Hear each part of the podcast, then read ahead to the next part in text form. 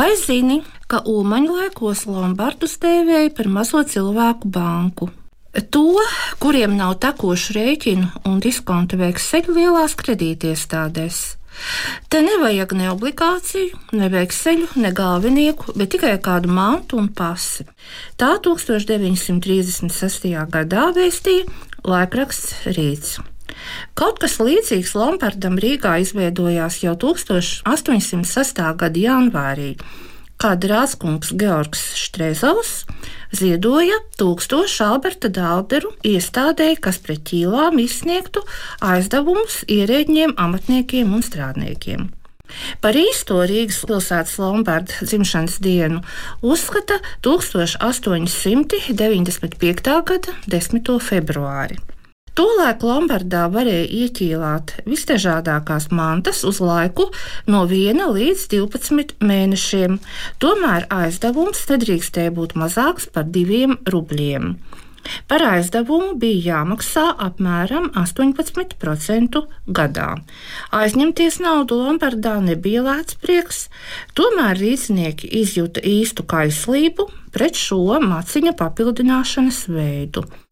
1915. gadā 64 vagoni dārgāko Lombarda ķīlu aizceļoja uz Maskavu. Rīgā palikušās ķīlas 1919. gada sākumā atņēma Stučkas valdība. 20. gadu sākumā smagajos saimnieciskajos apstākļos neviens vien, gan Rīgā, gan citviet Latvijā, izpārdeva paudzēs krātās mantas un mākslas vērtības. Iemesli, kas cilvēkus spieda doties uz Lombardiem, varēja būt visdažādākie. Ne jau visiem šajā laikā bija iespēja saņemt fiksētas algas un pensijas, daudziem bija arī citu kredītu nasta. Ļaudis nevarēja iztikt bez lombardiem, šiem puslabdariem, pusaugļotājiem, bet tomēr arī kautrējās no šīs apmācības. Laikraksti vēstīja, kā Rīgā klienti uz Lombardu ejot. Vispirms apmet rīņķi pa 18. novembra būvāri un tikai tad iznāk uz kaļķu ielas un nemanot piepeši vienā brīdī pazūd Lombardā iekšā gan. Nereti gan nācās vilties, jo nepielūdzamā taksatora aprēķini izrādījās pieticīgāki par cerēto. Tāpēc gadījās, kā šajā ainiņā, kas 1935. gada 2. maijā aprakstīt avīzē Rīts. Steidzīgs jauneklis izmeties žaketē, mēteli uz rokas, nervozēdams gaida savu kārtu, par mēteli sola tikai piecus latus. Jā, bet iepriekšējo reizi devāt 20.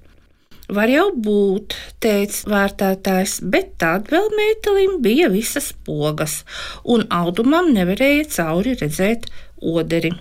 Kā 1933. gadā vēstīja žurnāls ekonomists, Lamberti parasti aizdevumos izsniedza vienu pusi un vēl mazāku daļu lietas taksētās vērtības. Procenti Lambardos bija augsti.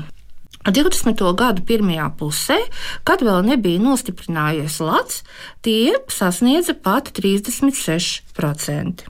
Visvairāk aizdevumu izsniedza maijā, kad uz Lombardu nesieķielāt ziemas apģērbus, jo pilsētniekiem vajadzēja līdzekļus, lai brauktu uz vasarnīcām un iegādātos vasaras stārpus.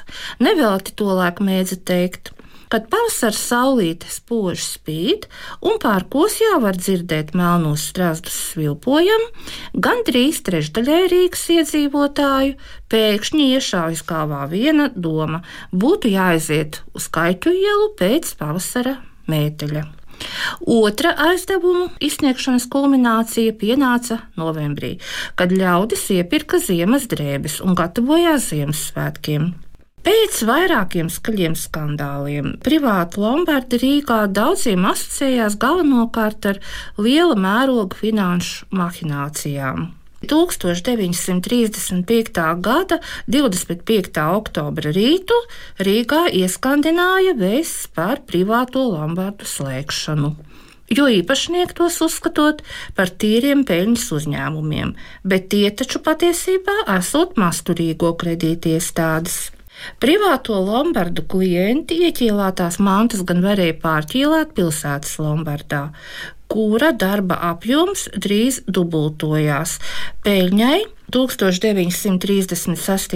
gadā sasniedzot 150 tūkstošus latu.